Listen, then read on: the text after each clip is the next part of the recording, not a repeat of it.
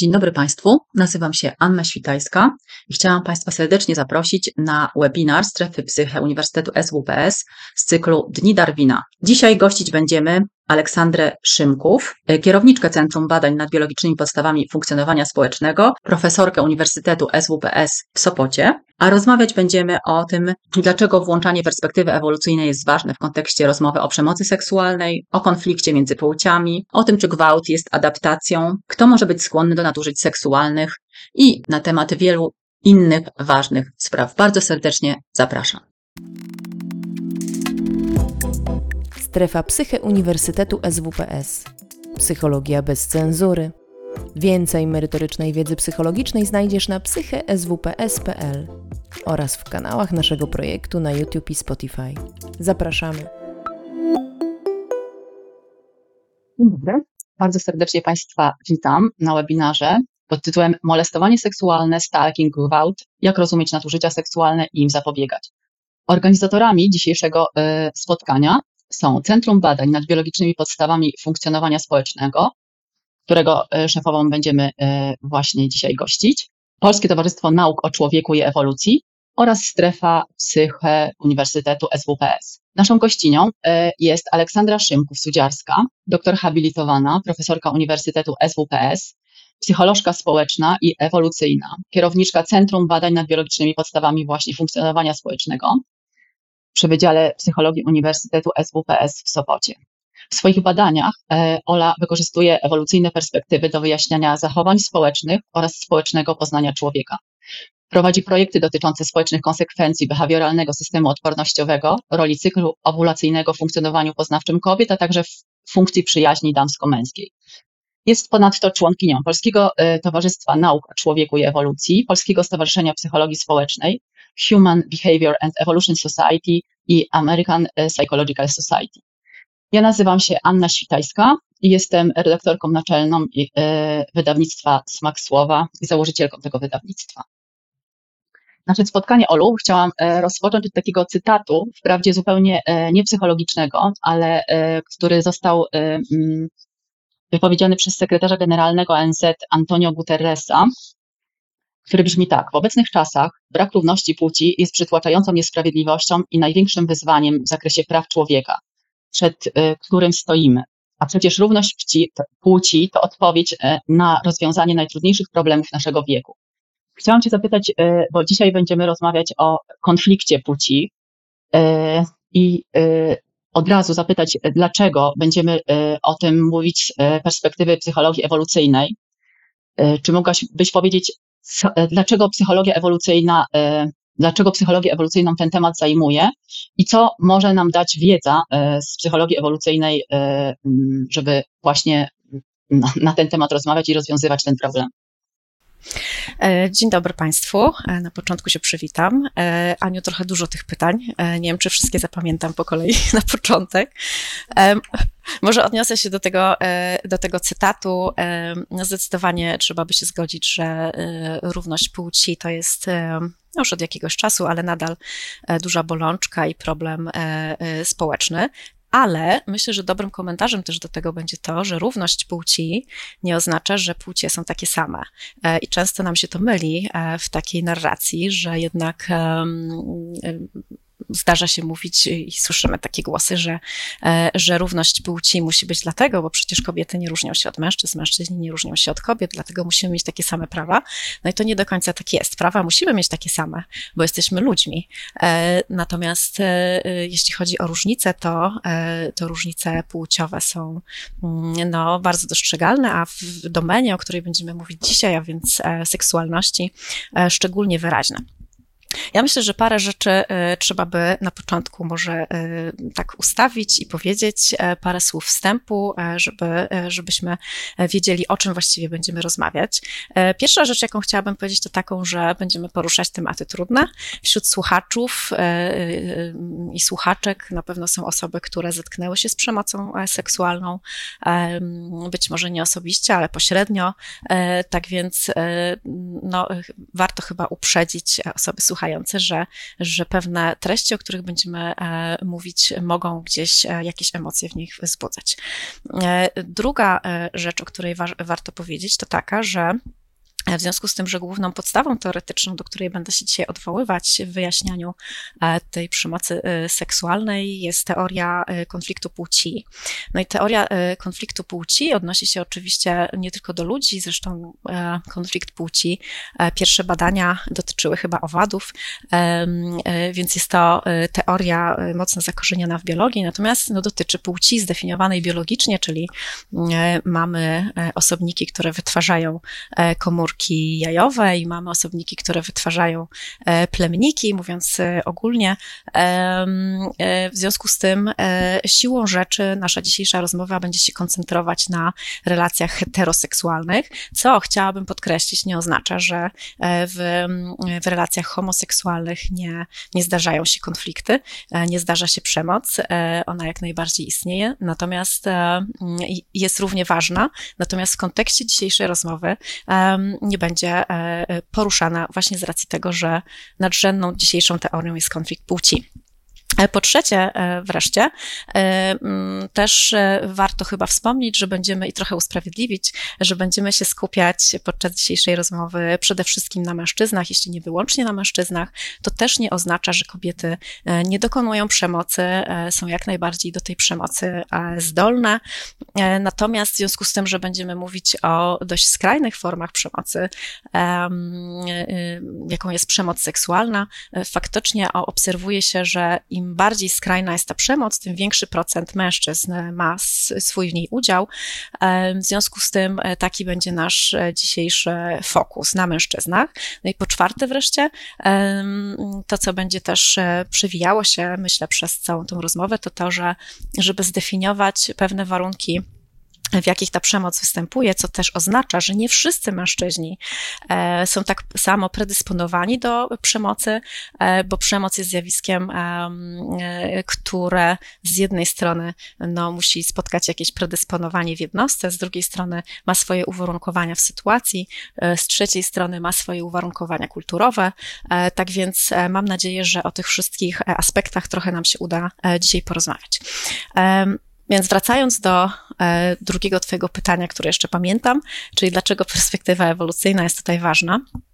E, to e, myślę, że trzeba by powiedzieć tak, że e, istnieje wiele różnych podejść do tego, żeby wytłumaczyć, w jaki sposób przemoc, w szczególności przemoc seksualna powstaje. Mamy różne teorie społeczne, mamy teorie nawiązujące do, mm, do jednostek, związane na przykład ze stylem przywiązania. Mamy teorie uczenia się, które zakładają, że to, że to wzorce, których się uczymy w naszej rodzinie, w naszym społeczności, w jakiej e, żyjemy, przejmujemy te wzorce i to one sprzyjają nam tej przemocy. Mamy wreszcie e, teorię z poziomu bardziej kultural, e, kulturowego, czyli, e, czyli e, szczególnie mam tutaj na myśli patriarchat, tak, i kultury patriarchatyczne. Natomiast żadna z tych teorii nie daje takiego stabilnego, z takich stabilnych ram teoretycznych, jakie może dać, jakie oferuje psychologia ewolucyjna, czyli właśnie ona nam daje taki pewien, pewien schemat przewidywań, E, pewne tło teoretyczne, które pozwala nam różne e, czynniki e, wkładać sobie w ten schemat i przewidywać, zarówno z poziomu właśnie mm, indywidualnego, dlatego że w psychologii ewolucyjnej jest dużo przestrzeni na różnice indywidualne, one są bardzo ważne jak i z poziomu e, społecznego, czyli wyzwalaczy pewnego mechanizmu. Psychologia społeczna daje nam wiele odpowiedzi e, e, w tym właśnie temacie, jakie są bliskie wyjaśnienia przemocy, czyli co się dzieje tu i teraz w danej sytuacji, że ta przemoc, do tej przemocy dochodzi, czyli na przykład, nie wiem, prowokacja, która może mieć miejsce.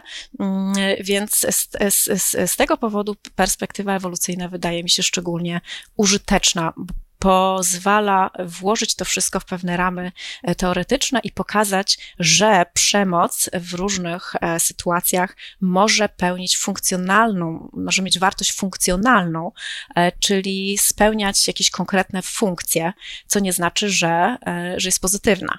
Często słowo funkcjonalność nam się w dzisiejszych czasach kojarzy pozytywnie, tak? Jak mebel jest funkcjonalny, no to znaczy, że, że jest dobry. Natomiast tutaj to, to nie tak. Funkcjonalne to takie, co spełnia pełną, pewną funkcję, e, co miało w naszej ewolucyjnej przyszłości rozwiązywać jakiś problem adaptacyjny e, i pozwalać sobie radzić z nim, aby zwiększać przetrwanie bądź zwiększać szanse reprodukcji, e, co nie znaczy, że to jest moralnie pozytywne i to też trzeba jasno odróżniać. No dobrze, to mamy bardzo wnikliwe wyjaśnienie. Ja chciałam nawiązać do tego, co powiedziałaś, że e, fokusujemy się na psychologii mężczyzn, e, ale chciałam Państwu powiedzieć, że e, nie tylko mężczyźni znajdą tutaj coś ciekawego dla siebie, tylko właśnie kierujemy mocno też ten webinar do kobiet, bo, ponieważ pomimo, że mężczyźni są tutaj jakby podmiotem, to jednak kobiety są głównie ofiarami przemocy seksualnej, a jakby psychologia ewolucyjna daje e, ważne wyjaśnienia, e, które e, mogą pomóc w unikaniu tej przemocy. I chciałam właśnie Cię, Olu, najpierw zapytać o to, czy mogłabyś powiedzieć, jakie czynniki w związkach powodują, że częściej wydarza się ta przemoc seksualna wobec kobiet w związkach takich ogólnie, oraz później króciutko o związkach intymnych. Chciałam też powiedzieć, że mamy już bardzo dużo pytań od Państwa. Oczywiście za chwilę będę e, po kolei te pytania Oli odczytywać. Może najpierw poproszę o, odpowiedź na to pytanie, dobrze? Tak, więc tak jak wspomniałam, kluczowa tutaj jest teoria konfliktu płci, która no, pozwoli nam też mówić o wyjaśnieniach tych zachowań i, i tego, dlaczego w niektórych sytuacjach one występują, dlaczego u niektórych mężczyzn występują, dlaczego u niektórych nie. E, teoria konfliktu e, płci e, zaczyna się od wspomnianych już przeze mnie komórek rozrodczych, czyli od komórki jajowej i plemnika, bo zasadniczą jest to różnicą w biologii reprodukcyjnej kobiet i mężczyzn. W ogóle no, psychologia ewolucyjna zakłada, że różnice pomiędzy płciami w psychologii seksualności oparte są właśnie na tych zasadniczych różnicach w reprodukcji. E, płciowej w tych różnicach. No i e, właśnie ta komórka jajowa jest taką pierwszą różnicą e, w porównaniu z plemnikiem.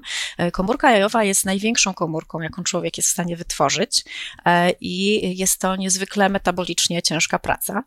Kobiety przychodzą na świat z, z, z kilkaset gotowymi komórkami jajowymi, prawie gotowymi, natomiast mężczyźni w trakcie jednego stosunku są w stanie wyprodukować E, olbrzymią, e, milionową armię e, plemników, które są bardzo tanie w produkcji. No i ta różnica nakładów energetycznych jest pierwszą ważną różnicą, która gdzieś w tej biologii reprodukcyjności człowieka będzie się nam przewijać. Drugą oczywiście ważną różnicą jest to, że że kobiety y, ponoszą zdecydowanie większe obligatoryjne koszty e, rodzicielstwa. Obligatoryjne, czyli takie, od których nie można uciec. E, w takim sensie, że to kobiety mm, zachodzą w ciążę, kobiety ponoszą koszta energetyczne tej ciąży, laktacji, no a później oczywiście też często to one głównie ponoszą jakby koszta opieki nad małymi dziećmi. Podkreślam to słowo obligatoryjne, bo nie chciałabym też przez to powiedzieć, że mężczyźni nie angażują się z natury e, w opiekę nad dziećmi, bo to jest nieprawda. Jesteśmy takim gatunkiem, który który, u którego mężczyźni mają liczne adaptacje sprzyjające temu, aby tym potomstwem się opiekować. Natomiast obligatoryjnie na poziomie, e, na poziomie kosztów metabolicznych, no tutaj kobiety zdecydowanie ponoszą te koszta większe. Trzecia taka różnica to to, to że do zapłodnienia dochodzi wewnątrz E, ciała kobiety, w związku z tym e, rodzi to taki problem adaptacyjny niepewności ojcostwa. Jak naprawdę ojcowie mm, nigdy nie mogą być pewni tego, czy na pewno to dziecko jest ich dzieckiem, e, co również w psychologii ma swoje odbicie i bardzo ciekawe psychologiczne demonstracje tego rozwiązywania tego problemu możemy obserwować na przykład w, w postaci większego pilnowania swoich partnerek, szczególnie w, w fazie płodnej cyklu owulacyjnego, co też bardzo pokazuje taką strategię tych, e, e, tych zachowań. E, tak więc to są takie różnice w biologii reprodukcyjnej, które mają się przełożyć w jakiś sposób na różnice w psychologii, bo to by było bardzo dziwne, gdyby tak duże zróżnicowanie biologiczne nie poskutkowało jakimiś różnicami na poziomie psychologii. No bo przecież ewolucja dotyczy zarówno e, tej strefy biologicznej stricte, jak i e, psychologicznej. No i teraz, e, jakie mamy efekty tutaj i gdzie jest ten konflikt? No ten konflikt rozgrywa się na poziomie właśnie pewnych, pewnego ryzyka ponoszonego z na przykład z pojedynczego aktu seksualnego. Tak? To jest tak, że w związku z tym, że kobiety po, ponoszą większe obligatoryjne koszty, no to koszt pojedynczego stosunku seksualnego również jest dla kobiety większym kosztem kosztem, no bo może się zakończyć ciążą. W związku z tym e, to by było mądre z, z perspektywy ewolucji, aby wykształciły się takie adaptacje, które służyłyby do tego, aby kobieta mogła i była w stanie dobrze ocenić tego partnera, z którym ona do tego seksu się dopuszcza, bo potencjalny potomek no, będzie musiał po pierwsze mieć dobre geny, a po drugie mieć jakiegoś opiekuna. W związku z tym naturalne jest, że w psychologii e, kobiet wykształciły się takie tendencje do tego, aby raczej opóźniać e, stosunek seksualny z nowo poznanymi mężczyznami. Kobiety nie są średnio, nie są, też to ważne, że będę mówić o pewnych średnich, co nie znaczy, że ktoś nie może być niżej bądź wyżej tej średniej. Średnio mm, mniej zainteresowane seksem na pierwszej randce, e, bardziej e, są skłonne do tego, żeby jak najdłużej odwlekać ten moment e, zbliżenia, mimo tego, że żyjemy w czasach antykoncepcji hormonalnej. To też ważna taka, ważne takie wtrącenie, ponieważ pokazuje, że nasze umysły nie adaptują się tak bardzo szybko i to, że mamy e, antykoncepcję, e, nie oznacza, że zmieniła się nasza psychologia. To jest jednak za krótko w ewolucyjnym okresie, żeby jakieś zmiany tutaj nastąpiły. Tak więc wracając do sedna, kobiety raczej e, są zainteresowane tym, żeby rozsądnie wybrać e, tego swojego e, potencjalnego e, partnera.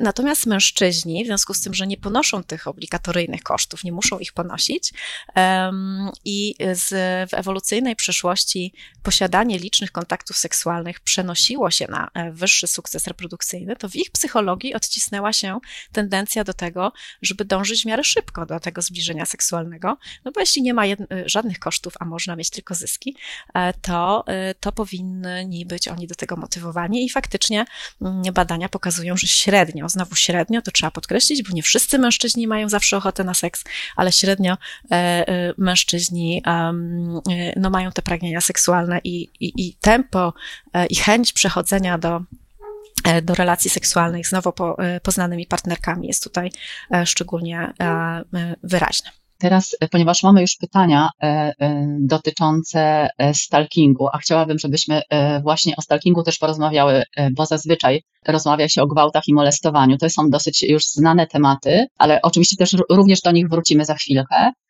Natomiast ten stalking stał się popularny, w sensie oczywiście kreatywnym, od momentu, kiedy y, ludzie mm, bardzo mocno y, tkwią w internecie, bo to bardzo często wiąże się właśnie z takim wirtualnym atakiem, chociaż nie tylko.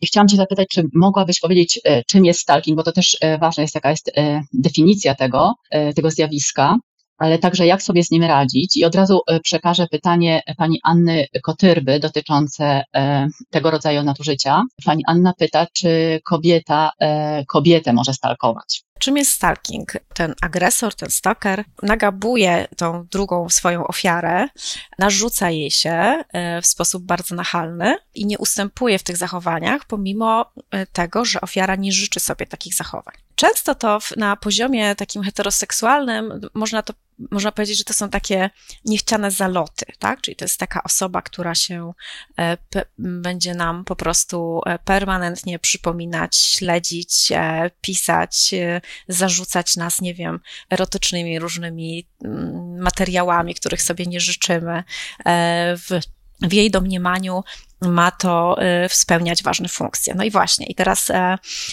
jeśli chcemy przyłożyć do tego perspektywę ewolucyjną, to musimy E, zacząć od tego, jakie ważne funkcje może taki stalking pełnić. E, generalnie e, duży procent osób, które dokonują tego stalkingu, e, to są faktycznie, dominują tam e, po pierwsze mężczyźni e, i, i to są najczęściej osoby, które zostały w jakiś sposób odrzucone przez tą naszą ofiarę. Czyli mamy tutaj taką sytuację, kiedy był jakiś związek albo do tego związku nie doszło i ta osoba ten mężczyzna, jeżeli większość mamy tutaj przedstawicieli mężczyzn, którzy się dopuszczają tego nadużycia, to pozwolę sobie tutaj e, o nich mówić, e, została odrzucona w jakiś sposób i po prostu jest to próba no, albo utrzymania tej partnerki, albo próba odzyskania jej na nowo. Ważne tutaj w tym kontekście mm, będzie, żeby jakoś wyjaśnić, co tam się dzieje w tych umysłach, będzie opowiedzenie o takim konstrukcie, który mm, nazywa się wartością partnerską, który jest bardzo użyteczny i ma dużą taką taką moc eksplanacyjną e, w tych badaniach. E, wartość partnerska to jest coś takiego, co każdy z nas posiada e, jako poczucie, jaką ma wartość na, tak brzydko mówiąc, w cudzysłowie, rynku matrymonialnym. E, to jest coś, czego my się oczywiście uczymy e, w, w, w, ciągu swojego życia, na podstawie tego, w jaki sposób reaguje na nas płeć przeciwna, czy wzbudzamy zainteresowanie, czy nie wzbudzamy, w jakich warunkach i tak dalej. E, I też na podstawie tego, jak łatwo było nam znaleźć swojego partnera, czy swoich partnerów. Jeżeli było nam łatwo, wnioskujemy, że nasza wartość partnerska jest wysoka, że jesteśmy atrakcyjni. Jeśli jest nam bardzo trudno, To ta nasza wartość partnerska spada. No i teraz co interesujące, e, ludzie, jak dobierają się w pary, e, to zazwyczaj ta wartość partnerska jest gdzieś zbliżona do siebie, mniej więcej, chociaż tam też bywa różnie, bo mężczyźni generalnie mają, generalnie, czyli średnio, mają wyższe mniemanie o swojej wartości partnerskiej niż kobiety mają o ich wartości partnerskiej. Tak więc to jest tak, że tam mamy pewne takie zawirowania. No w każdym razie, mm, w udanym związku ta wartość partnerska partnerska y, powinna być, e, powinna być w miarę równa. To znaczy, partnerzy mają e, takie przekonanie, że jestem e, z partnerem, na którego zasługuję, i on jest ze mną i na mnie zasługuje. No i teraz e, problemy się zaczynają z tej oczywiście perspektywy, o jakiej rozmawiamy, e, w sytuacji, kiedy ta wartość partnerska zaczyna się rozjeżdżać, a ona się może rozjeżdżać w trakcie naszego życia.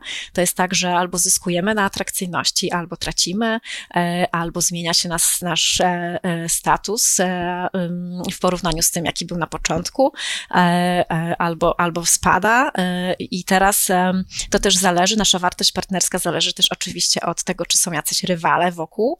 Jeżeli żyjemy w próżni ze swoim partnerem, no to nikt nam nie zagraża, tak? Choćby nasza wartość partnerska się mocno różniła. Natomiast jeżeli pojawiają się wokół atrakcyjne osoby, które mogą nam zagrozić, to wtedy też ta nasza wartość partnerska może, e, może jakoś istotnie spaść. No i teraz badania pokazują, że jeśli chodzi o stalking, to mężczyźni, którzy zostali porzuceni przez swoje partnerki albo odrzuceni jeszcze na samym początku, właśnie y, Wynika to z tego, że y, ich wartość partnerska albo mocno spadła, albo jest po prostu wyraźnie niższa i ta partnerka nie chce zawiązywać tej relacji.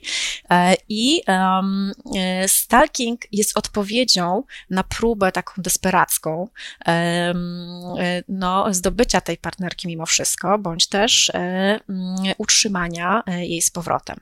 No i teraz, jeśli chodzi o procenty, to oczywiście ja nie dysponuję świeżymi danymi z naszego kraju, natomiast w różnych badaniach na świecie ten stalking to jest około, na przykład jeśli chodzi o takie młode osoby, to doświadczyły około 20%, czyli to jest tak, no, co piąta osoba gdzieś może zostać ofiarą takiego stalkingu. Jeśli chodzi o ten cyberstalking, to jest to trochę więcej, 30%, faktycznie on jest taki łatwiejszy.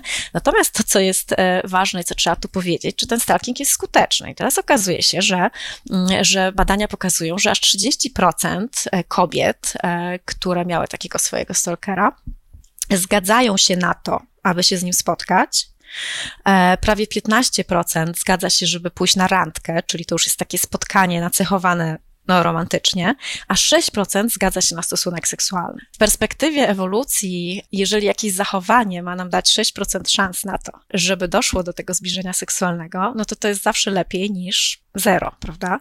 E, więc to też trochę tłumaczy, dlaczego te zachowania się w jakiś sposób e, utrzymują i dlaczego niektórzy mężczyźni mają do nich e, tendencję. Czy mam mówić, jacy mają tendencję, czy to będzie następne pytanie?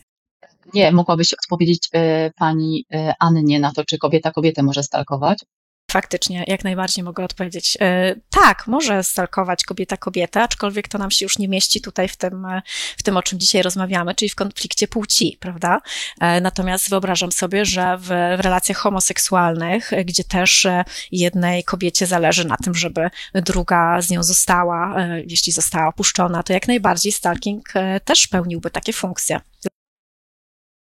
Mamy tutaj jeszcze jedno pytanie pani Martyny W dotyczące e, stalkingu, ale myślę, że częściowo Ola już odpowiedziała na pani pytanie, natomiast ja chciałam powiedzieć, e, bo wspomniała Pani o tym, że powinno się jakoś dbać o ofiary stalkingu i rzeczywiście też uważam, że chyba w Polsce brakuje jednak nawet chociażby strony, na której mogłyby osoby które są stalkowane, znaleźć jakąś pomoc. Y, chciałam poinformować, że istnieje taka strona w języku angielskim i hiszpańskim. Stworzył ją y, Bass i Dantley, y, dwóch wybitnych naukowców.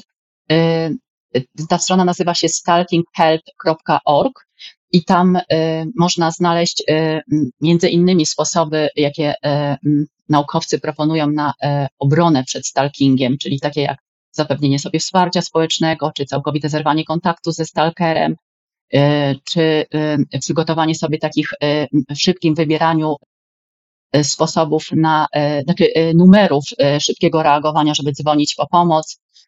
Ważnym jest też dokumentowanie zachowań stalkera, minimalizowanie ekspozycji na social mediach, żeby stalker nie miał pożywki no oczywiście zawiadamianie e, policji, a taką ostateczną e, już rzeczą jest zmiana tożsamości i przeprowadzka i tak dalej, no ale to już oczywiście w takich sytuacjach, kiedy nie można sobie inaczej na to, e, z tym poradzić.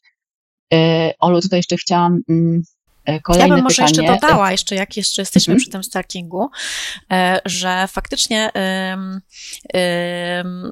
stalking e, jest dość niebezpieczny, dlatego że e, przed analizy dokonanych morderstw na kobietach pokazują, że w prawie, w, tam było jakieś 76% w tych danych, o których mówię, w 76% kobiety wcześniej były stalkowane przez tych mężczyzn, którzy e, dokonali e, tego przestępstwa. Tak więc e, no, zwraca się uwagę na ten niezwykle ważny jeden czynnik, czyli nie dawania nadziei, po prostu nie odpowiadanie na, mm, na zaczepki stalkera to jest najskuteczniejsze, co można zrobić.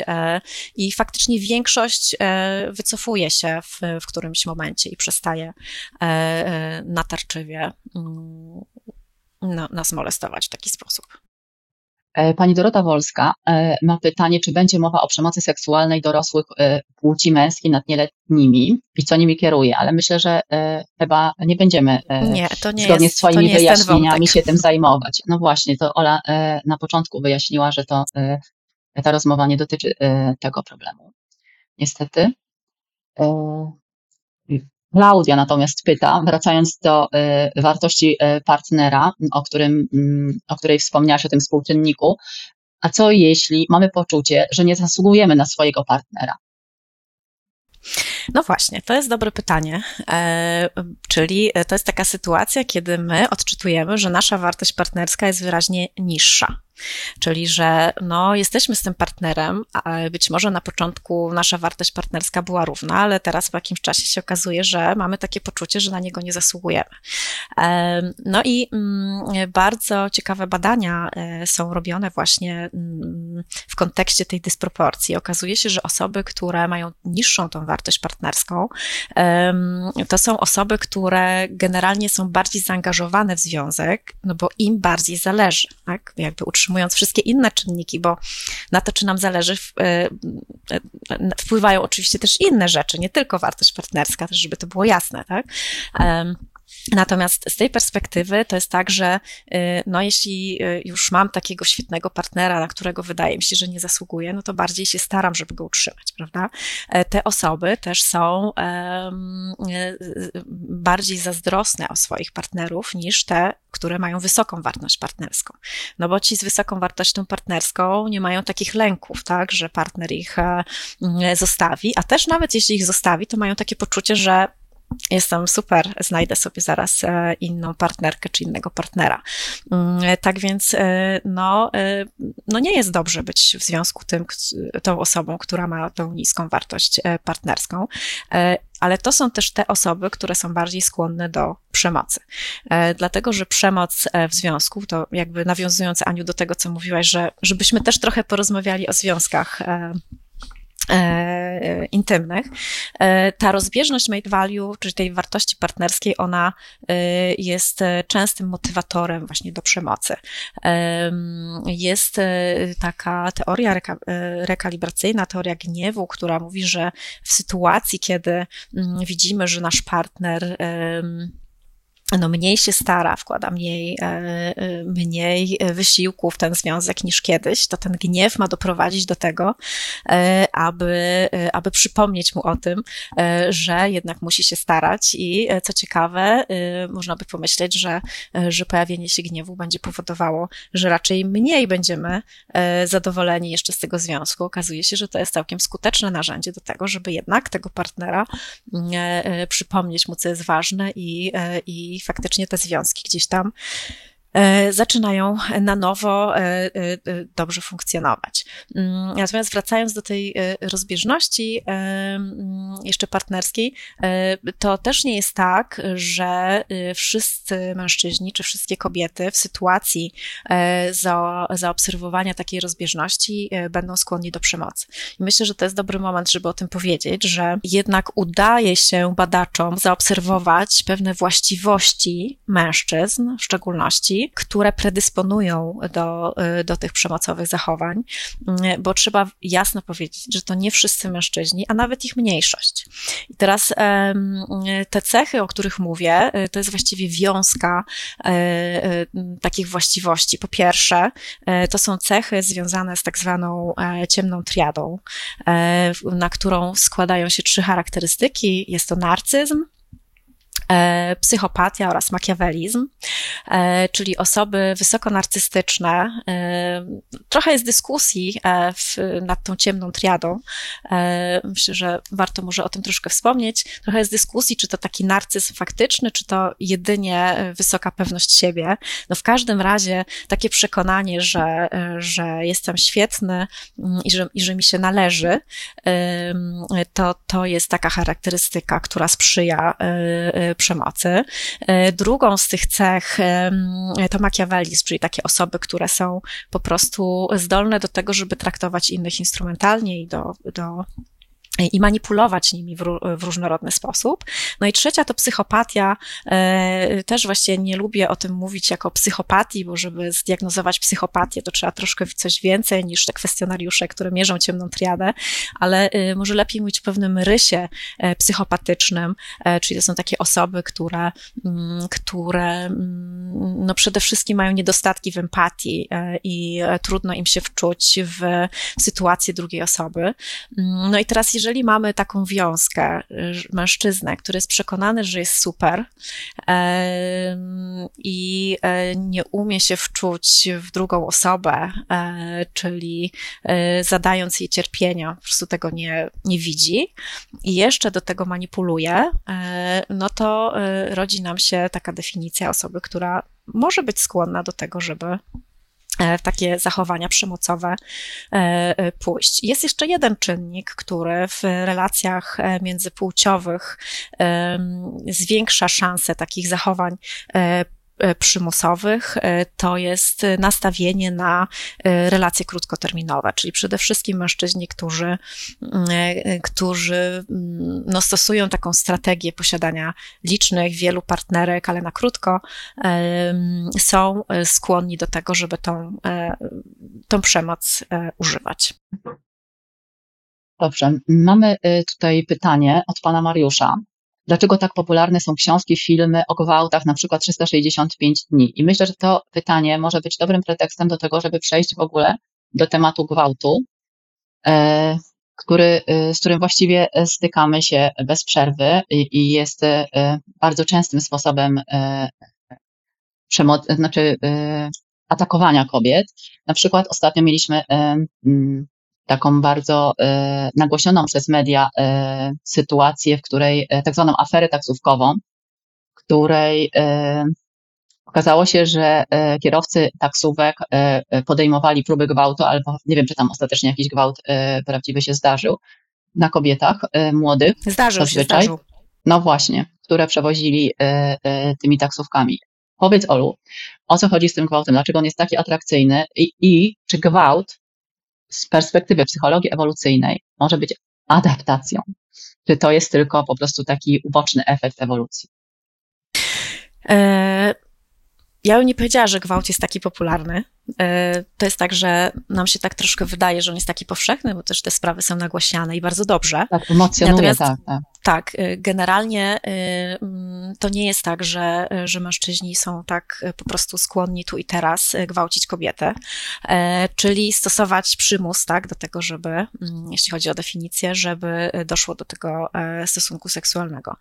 E, faktyczne statystyki mówią, że jeśli chodzi o, o ilość osób, które, które w jakiś sposób spotkały się z próbą gwałtu, bądź też ze z dokonanym gwałtem, to jest gdzieś około 20% też w takich badaniach e, e, światowych. Natomiast trzeba powiedzieć, że one są na pewno mocno niedoszacowane, bo wiemy, że bardzo dużo kobiet nie zgłasza gwałtów. E, I myślę, że w naszym kraju też ten odsetek jest bardzo, bardzo wysoki, z racji tego, że żeby skutecznie zapobiegać gwałtom i też, żeby chcieć je zgłaszać, to musi być, e, e, muszą być dobre do tego warunki e, i przede wszystkim musi być jasno zdefiniowane, że kto tutaj jest sprawcą, a kto tutaj jest ofiarą. Niestety z gwałtem jest tak, że jeszcze całkiem niedawno w niektórych kulturach, w niektórych krajach na przykład gwałt w małżeństwie nie był w ogóle traktowany jako gwałt gwałt, tak? Tak więc my jesteśmy gdzieś na tym etapie, że dopiero definiujemy tą definicję gwałtu. W Polsce y, też y, toczą się walki y, legislacyjne, jeśli chodzi o to, jak ta definicja gwałtu powinna w sądownictwie wyglądać, bo teraz ona wygląda w taki sposób, że właściwie to ofiara musi udowadniać, że się broniła i musi pokazywać, że ma ślady obrony,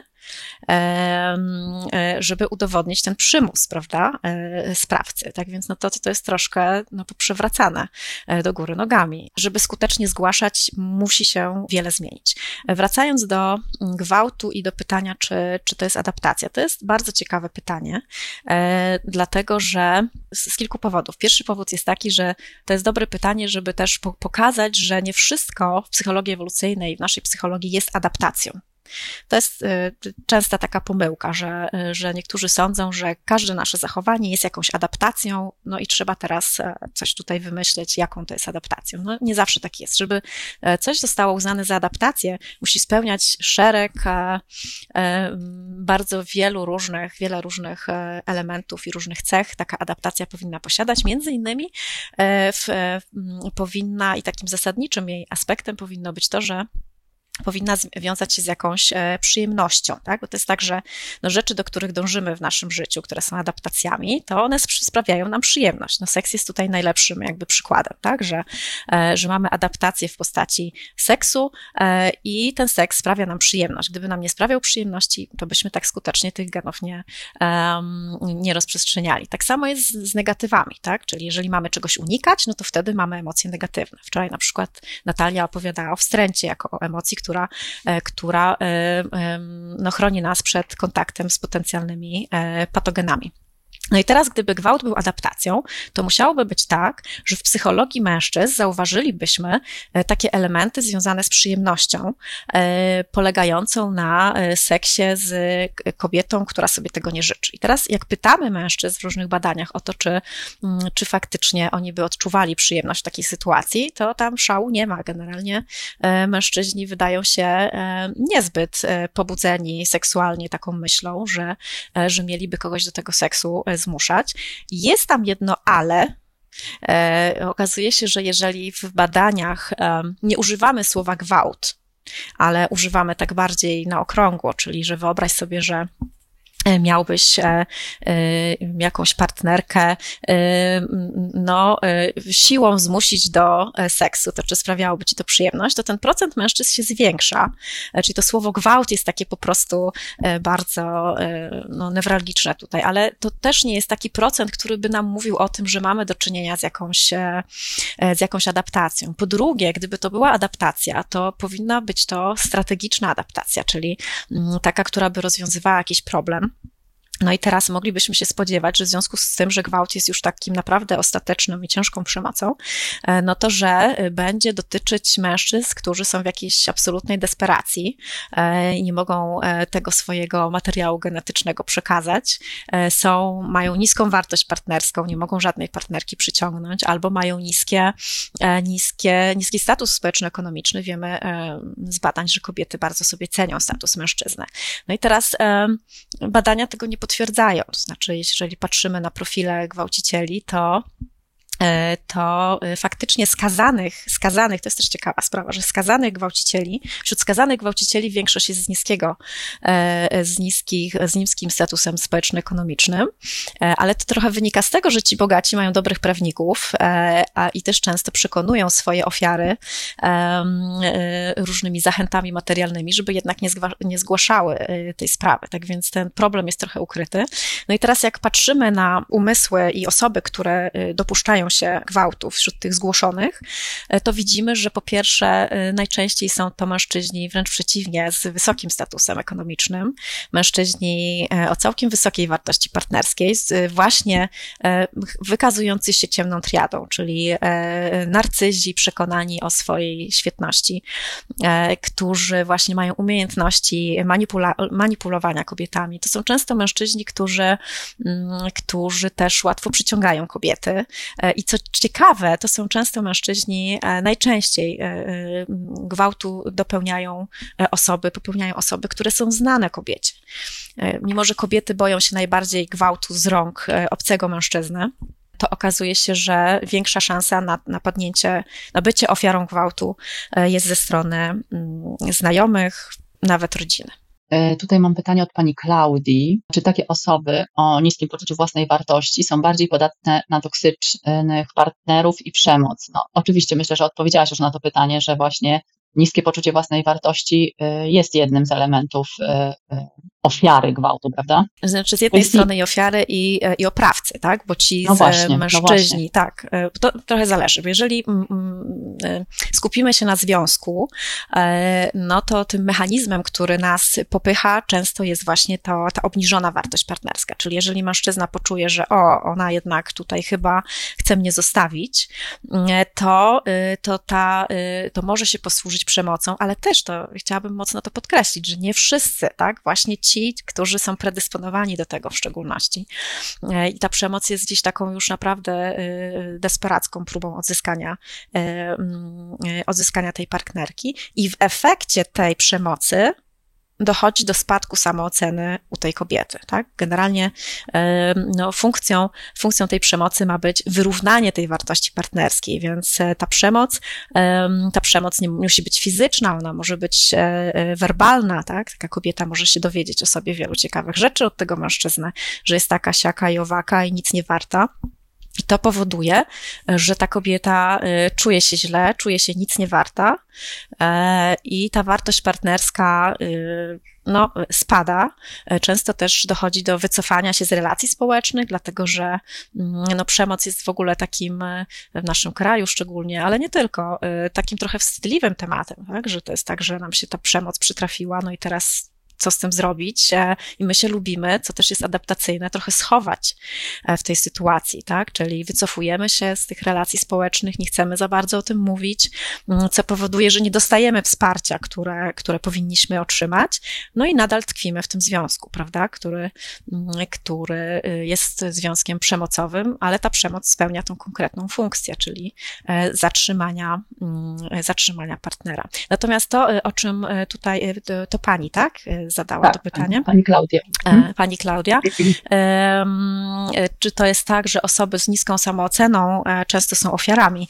I myślę, że to jest dobry, dobry zaczątek do powiedzenia trochę więcej o tym, jakie kobiety stają się ofiarami, bo no, ten, ten, ten obrazek jest znacznie bardziej skomplikowany. Nie tylko mamy mężczyzn, którzy są predysponowani, ale też mamy ofiary, które nie są przypadkowe. No i teraz tak jak w świecie natury, e, jak mamy e, oprawcę i mamy ofiarę, tak, geparda goniącego gazelę, to agresorzy wybierają sobie na swoje ofiary zazwyczaj takie osobniki słabsze.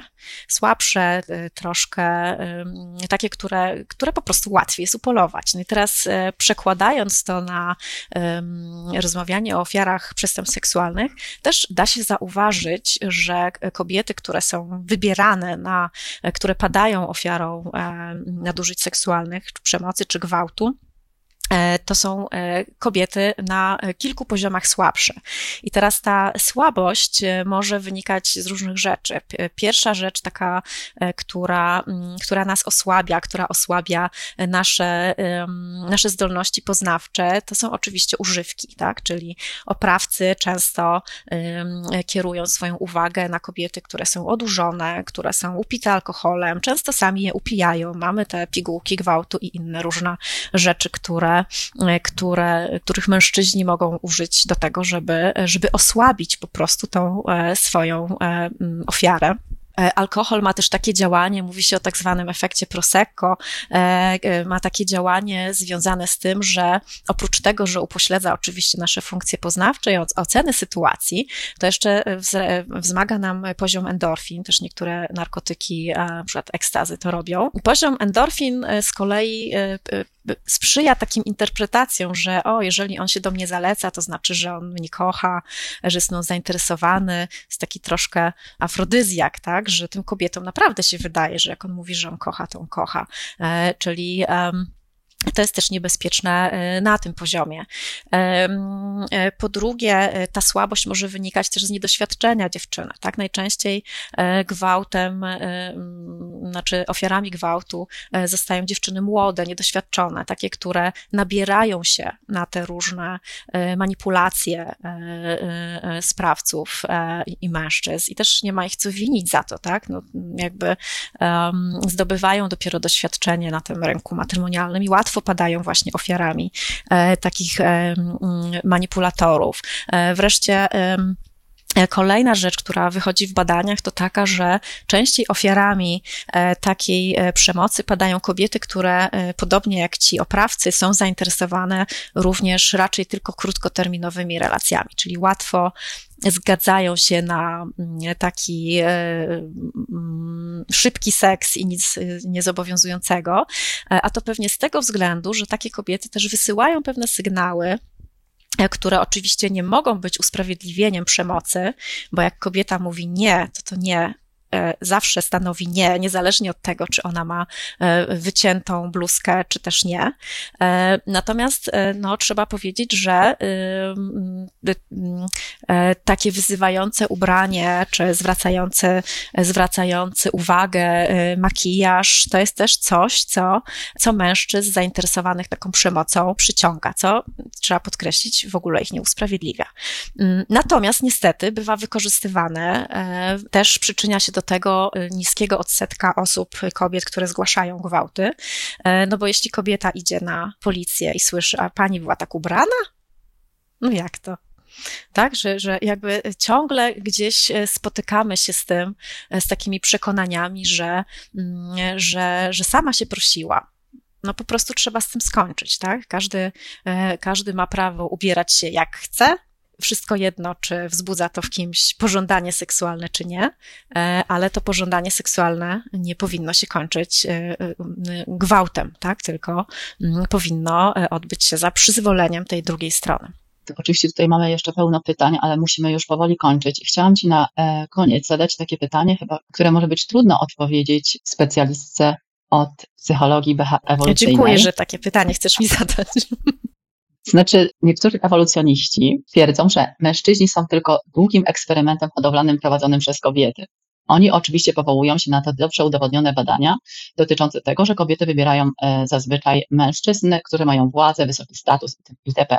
W związku z tym są poniekąd, od, poniekąd odpowiedzialne za to, że zdarzają im się takie e, straszne rzeczy jak gwałt, molestowanie itd., tak bo e, tego typu rzeczy dopuszczają się głównie właśnie tacy mężczyźni. E, czy zgadzasz się w ogóle z tym stwierdzeniem, że gdyby e, e, dokonała się zmiana kobiecych pragnień, to ona doprowadzi również do zmiany męskich zachowań? Co by się w ogóle odpowiedziała na ten zarzut? Bo to, jest jakiś końca, tam zarzut. Nie do końca wydaje mi się to sensowne, dlatego że to nie uwzględnia takiej funkcjonalności, tak? Że kobiety, oczywiście kobietom, są pewne badania, które wskazują na to, że kobietom podobają się mężczyźni, którzy mają pewien poziom agresji, tak? Ale zauważmy, że ta agresja nie, nie ma być skierowana na nas, tylko ta agresja ma być skierowana na przykład na innych mężczyzn, tak? To są mężczyźni, którzy, nie wiem, nie boją się konfrontacji z innymi mężczyznami. I taka cecha faktycznie w ewolucyjnej przyszłości była bardzo ważna dla nas, bo kobiety były narażone na, mm, na, y, no, na agresję z, z, płynącą od różnych innych mężczyzn i ważne było e, mieć partnera, dzisiaj też to jest ważne, e, takiego, który no nie będzie się bał e, w taką konfrontację stanąć i, i będzie y, jakiś ten poziom takiej agresywności i męskości, mówiąc kolokwialnie, y, reprezentować. Natomiast y, no, pierwsze słyszę, żeby, żeby było tak, że kobiety preferowały w ewolucyjnej przyszłości mężczyzn, którzy byli agresywni w kierunku do nich. To jest zupełnie inna sytuacja. A teraz w związku z tym, że nasze zachowania są bardzo strategiczne i bardzo uwarunkowane i nacelowane na rozwiązanie konkretnych e, problemów adaptacyjnych, to to, że my jesteśmy agresywni, e, też rozwiązuje jakiś konkretny problem i nie znaczy, że jak ktoś ma skłonność do agresji, to on będzie agresywny zawsze i w każdej sytuacji. E, w związku z tym, no, wydaje mi się to takie troszkę wyssane z palca. Nie ma w tym no, takiej wiedzy ewolucyjnej zbliżamy się e, powoli do końca. Myślę, że taką najważniejszą rzeczą, jaką możemy zrobić e, dla osób, które słuchają nas, to jest e, dostarczanie wiedzy. I to wyda wydaje mi się, że nam się w jakiś sposób udało. Mam nadzieję, że na część pytań, których, na które nie zdążyłyśmy odpowiedzieć, będziesz miała szansę odpowiedzieć na przykład na social mediach. Nie wiem, jak to, czy to będzie możliwe ale może miałabyś ochotę polecić jakieś źródła, które mogłyby poszerzyć tę wiedzę ludzi jeszcze nakierować na te interesy. Tak, no właśnie, e, słuchając wczorajszego podcastu i przedwczorajszego, miałam takie smutne e, refleksje związane z tą literaturą polecaną, bo zarówno goście w poniedziałkowi, jak wczoraj Natalia, troszkę mieli problem z tym, żeby po, polecić literaturę polskojęzyczną. I ja też będę miała ten problem, dlatego że, e, no, no niestety jest tak, że, że literatura dotycząca perspektyw ewolucyjnych jest jej bardzo niewiele. Natomiast w kontekście e, molestowania e, akurat pojawiła się bardzo dobra pozycja. E, przez, napisana przez Davida Bassa, który zresztą akurat w Polsce jest tłumaczony dość licznie. Mamy wiele jego książek, które starają się przybliżać tą tematykę. I w zeszłym roku pojawiła się książka mm, właśnie Davida Bassa pod tytułem Kiedy mężczyźni zachowują się źle, wydana przez wydawnictwo Smak Słowa i w tej książce mm, można poczytać o konflikcie płci jak najbardziej. Jest też książka Davida Bassa, e, która też zahacza o, mm, zahacza bardzo mocno o konflikt płci. Starsza książka, która się nazywa Morderca za ścianą, wydana przez e, Gdańskie Wydawnictwo Psychologiczne. Też zachęcam, tam jest bardziej taki rys morderczy e, w tej książce niż seksualny, ale też o te tematy mocno, mocno zahacza. Tak więc jeśli chodzi o e, polską literaturę dotyczącą ewolucyjnych kwestii, no to to jest chyba wszystko, co sensownego na e, rynku się pokazało. To może tą e, książkę angielską jakąś polecisz też. Testosteron, tak, no testosteron jest nową pozycją, bardzo niedaw niedawno wydaną, która no, jest bardzo dobrze tłumaczy i też e, e, zburza takie różne mity, które my mamy o testosteronie, e, bo no dużo jest takiej potocznej wiedzy, no ale też pozwala tłumaczyć to, mm, o czym tutaj mówimy z takiej bliskiej perspektywy, prawda? Bo poziom hormonalny to jest inna perspektywa wyjaśniania tych samych zachowań, czyli my patrzymy, co się dzieje na poziomie hormonalnym tu i teraz u danej osoby, co wzmaga szansę wystąpienia pewnych zachowań, na przykład agresywnych. E, no, większość wiedzy, jaką czerpiemy z zakresu tych badań pochodzi z artykułów naukowych, nawet nie z książek. E, te są coraz e, liczniej dostępne e, w sieci, tak po prostu. Mm, ja może zachęcę Państwa do takim chyba najproś, najprościej będzie mi to zrobić, do odwiedzenia laboratorium, strony laboratorium Davida Bassa. Można wpisać David Bass, to się pisze B-U-S-S. I na jego stronie internetowej, bo on ma bardzo dużą sieć współpracowników, pracowników, jest współautorem w bardzo wielu artykułach i na jego stronie te artykuły można ściągać e, bez e, żadnych bramek. E, tak więc ci z Państwa, którzy, mm, którzy mają, nie mają problemu z językiem angielskim, to jak najbardziej zachęcam do tych źródłowych artykułów, które traktują już o bardzo specyficznych, poszczególnych elementach tego całego problemu, o którym dzisiaj rozmawialiśmy.